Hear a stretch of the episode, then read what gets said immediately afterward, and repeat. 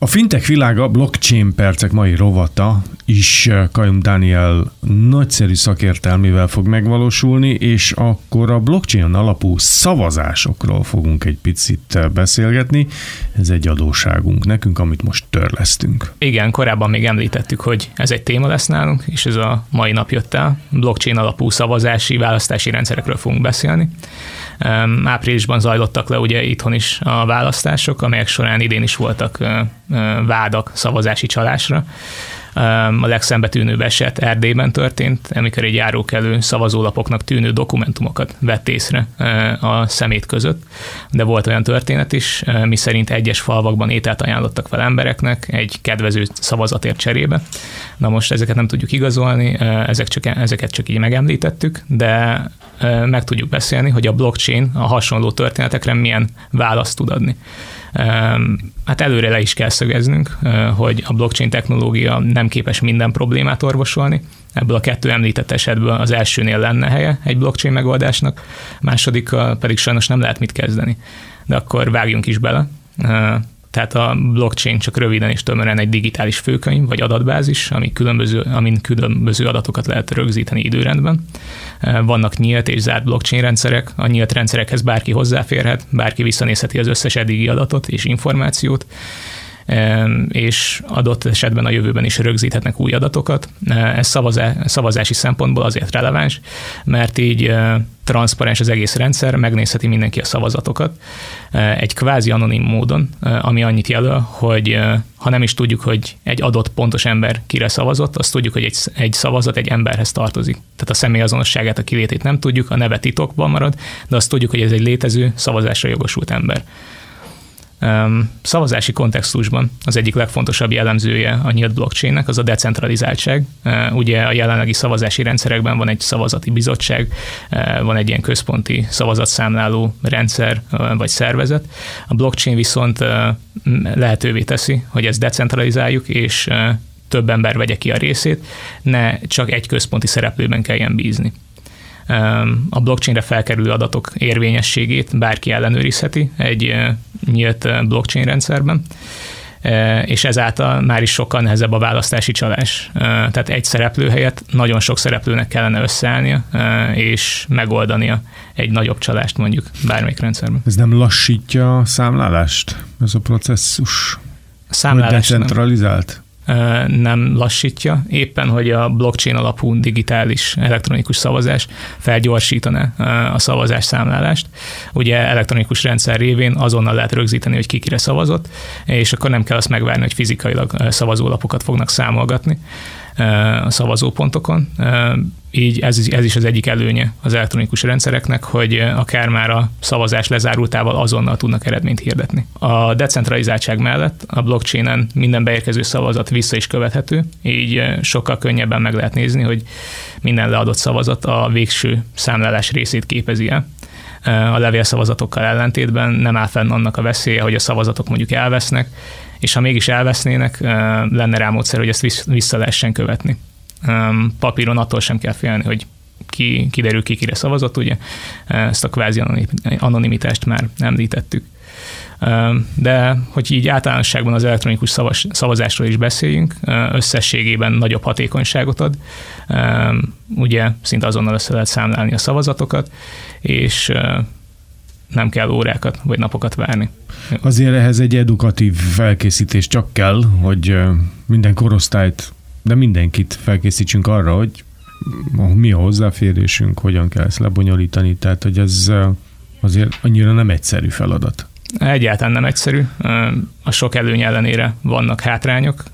blockchain sem lehet mindent megosztani. Tehát említetted az edukációt. Az is kérdés, hogy mondjuk személyesen szavazópontokon lehessen elektronikusan szavazni, vagy az otthonunk kényelméből. Ez is sok biztonsági, kiberbiztonsági kérdést felvet, hogy lehet-e hacker támadás áldozata valaki. Mi történhet otthon szavazással, senki nem tudja de emellett a szavazatvásárlást sem tudjuk blockchain-el megoldani például. Ezen a területen inkább társadalomtudomány tudna segíteni. Észtországban például a választás lezárása előtt a választók többször is megváltoztathatják a szavazatukat. Ezt azért csinálják, hogy adott esetben, ha valaki meg akarna venni egy szavazatot, és mondjuk utána számon kéri a szavazót, akkor első körben mondhat úgymond igazat a szavazó, hogy igen, a megbeszélteknek megfelelően szavazott, de máskor ezt megváltoztathatja a szavazás lezártáig. Tehát az ilyen társadalomtudományi megoldások akár már léteznek, akár még születőben vannak, tudnak segíteni abban mondjuk, hogy a szavazatvásárlást blokkoljuk, de blockchain-nél ezt nem tudjuk megoldani, hiszen csak a, szavazat infrastruktúra, a szavazás infrastruktúrájának segít a blockchain, annak, hogy kire szavaz valaki, abban már nincsen szerepe. Hát itt sem tudjuk kiküszöbölni hogy a, az ember egyik legnagyobb tudását, a kapzsiságot, mert hogyha valaki fizetni akar, és azért pénzt akar elfogadni, akkor azt így is úgy is meg fogja tenni. Tehát ez, ez mondjuk nem hátrány a blockchainnek, ez egy emberi adottság. Igen, de hogy megnyugtassunk embereket, egyes források szerint a közvetlen szavazatvásárlás jellemzően nem a legnagyobb választási csalási forma. Indiában például a legtöbb csalást magukban a szavazófülkékben észlelik egy korábbi kutatás szerint, Hondurasban pedig 2017-ben a szavazat számlálás során, nem pedig magánál a szavazat, szavazásnál volt észlelhető a csalás. De hogy ha már említettük Indiát, meg Honduraszt, akkor említhetünk egy másik országot, ahol konkrét blockchain szavazásról beszélhetünk, ez még pedig Oroszország lenne. Oroszország már többször is próbálkozott blockchain alapú szavazással, azonban hát két eset is kisebb botrányba fulladt, hangsúlya kisebben. 2020-ban egyszerűen túlterhelődött a szavazási felületük, és összeomlott így Moszkvában és Nyizsnyi Novgorodban. Nem tudtak azonnal szavazni a lakosok, de a szavazás egyébként öt napig volt nyitva, így végül mindenki leadhatta a voksát, viszont egy állami rendszerben azért kicsit csalódáskeltő, hogy nincsenek készen a kezdeti túlterhelésre, amit ugye mindenki tud. Szavazásnál, szavazásnál mindig az elején kell a tömegeket várni. Ez egy önkormányzati választás, vagy van region, gondolom valami regionális választást tűzte ki célul, és ez az egyik kérdésem, ha ez nem is kérdés, a másik mindenképpen az lesz, hogy miért pont Oroszországba indult el először ez szerinted? Olyan fejlett a, az IT szektorot, vagy, vagy miért az oroszok?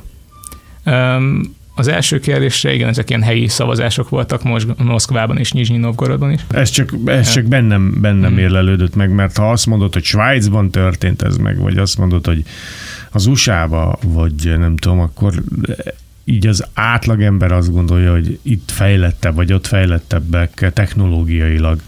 De hát tudjuk, hogy az orosz mérnök társadalom az nagyon nagy számú, és biztos kipattantak ezek a kezdeményezések, és valaki akkor mögéjük át. Mi a rezüméje, vagy mi volt a tanulsága akkor azon túl, hogy a túlterhelés az első pont, amit meg kell tudni oldani? További tanulságot egy második, másik történetből is tudnánk adni.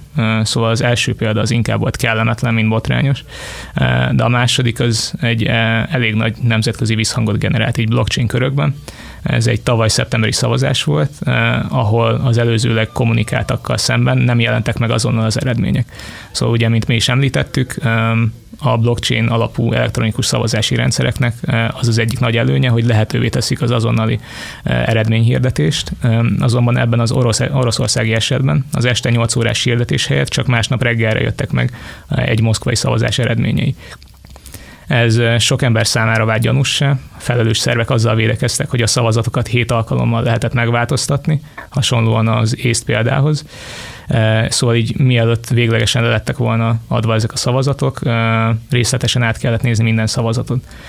Eredetileg a szavazás adataihoz hozzáférhetett volna a publikum, azonban gyakorlatban végül ez nem így volt. Szóval joggal gondolhatták, vagy sejtették azt emberek, hogy itt valami manipuláció történhetett, de természetesen ezt nem tudjuk bizonyítani, és ez egy, ez egy elég komoly vád. Így ebben az esetben a blockchain inkább egy hatékonyságnövelő eszköz akart lenni, ugye azonnali eredményhirdetéssel, nem feltétlenül egy transzparens rendszer, hogyha már a szavazatok nem kerültek nyilvánosságra, de még a hatékonyságnövelés sem teljesen sikerült, ugyanis több órát kellett várni arra, hogy megjöjjenek az eredmények. Én nem gondolnám ezt olyan óriás fiaskónak, hiszen a rendszert ki kell próbálni. Hát ha nincs tesztelve, akkor nincs organikusan, nem tud miből fejlődni. Hát kellenek ezek a, az első lépések, azt gondolom, hogy a hibákat folyamatosan lehessen korrigálni. Vagy rosszul gondolom én ezt? Egyetértek. Tehát, Tehát kilőni élesbe úgysem lehet semmit, hogy az, az biztosan működjön. Igen, aki nem próbálkozik, az nem tanul. És hát pont ez ezekből, egyszerű. pont ezekből a kezdeti hibákból tudnak tanulni az emberek, vagy akár más országok is, hogyha valaki blockchain iránt érdeklődik. Ugye említettük egy régebbi adásban, hogy Katalóniában is volt már blockchain alapú szavazás, de világszerte több helyen mérik fel a lehetőséget, Ausztráliában is igencsak érdeklődnek a megoldás iránt, Amerikában már kicsit megosztóbbak a vélemények, megosztottabbak az emberek, ott vannak proponensei, meg opponensei is a blockchain alapú, vagy egyáltalán az elektronikus szavazásnak, ugye a különböző csalási lehetőségek és a kiberbiztonsági aspektusok miatt is.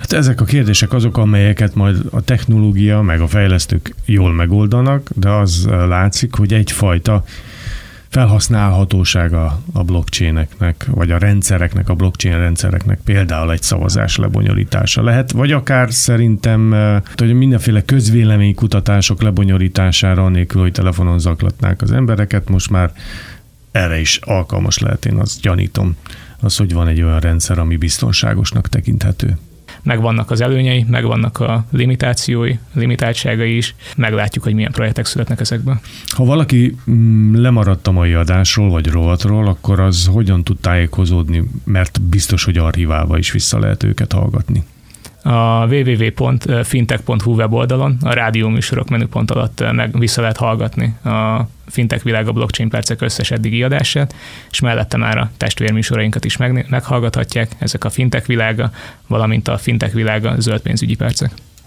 Köszönöm szépen Kajom Dánielnek, hogy itt volt ezen a héten, és jövő héten elvárjuk ismét, mert kimeríthetetlen a téma. Ez volt a Fintech világa, blockchain percek itt a Special Edition keretein belül. Nagyon szép hetet kívánok! Köszönöm, szép hetet!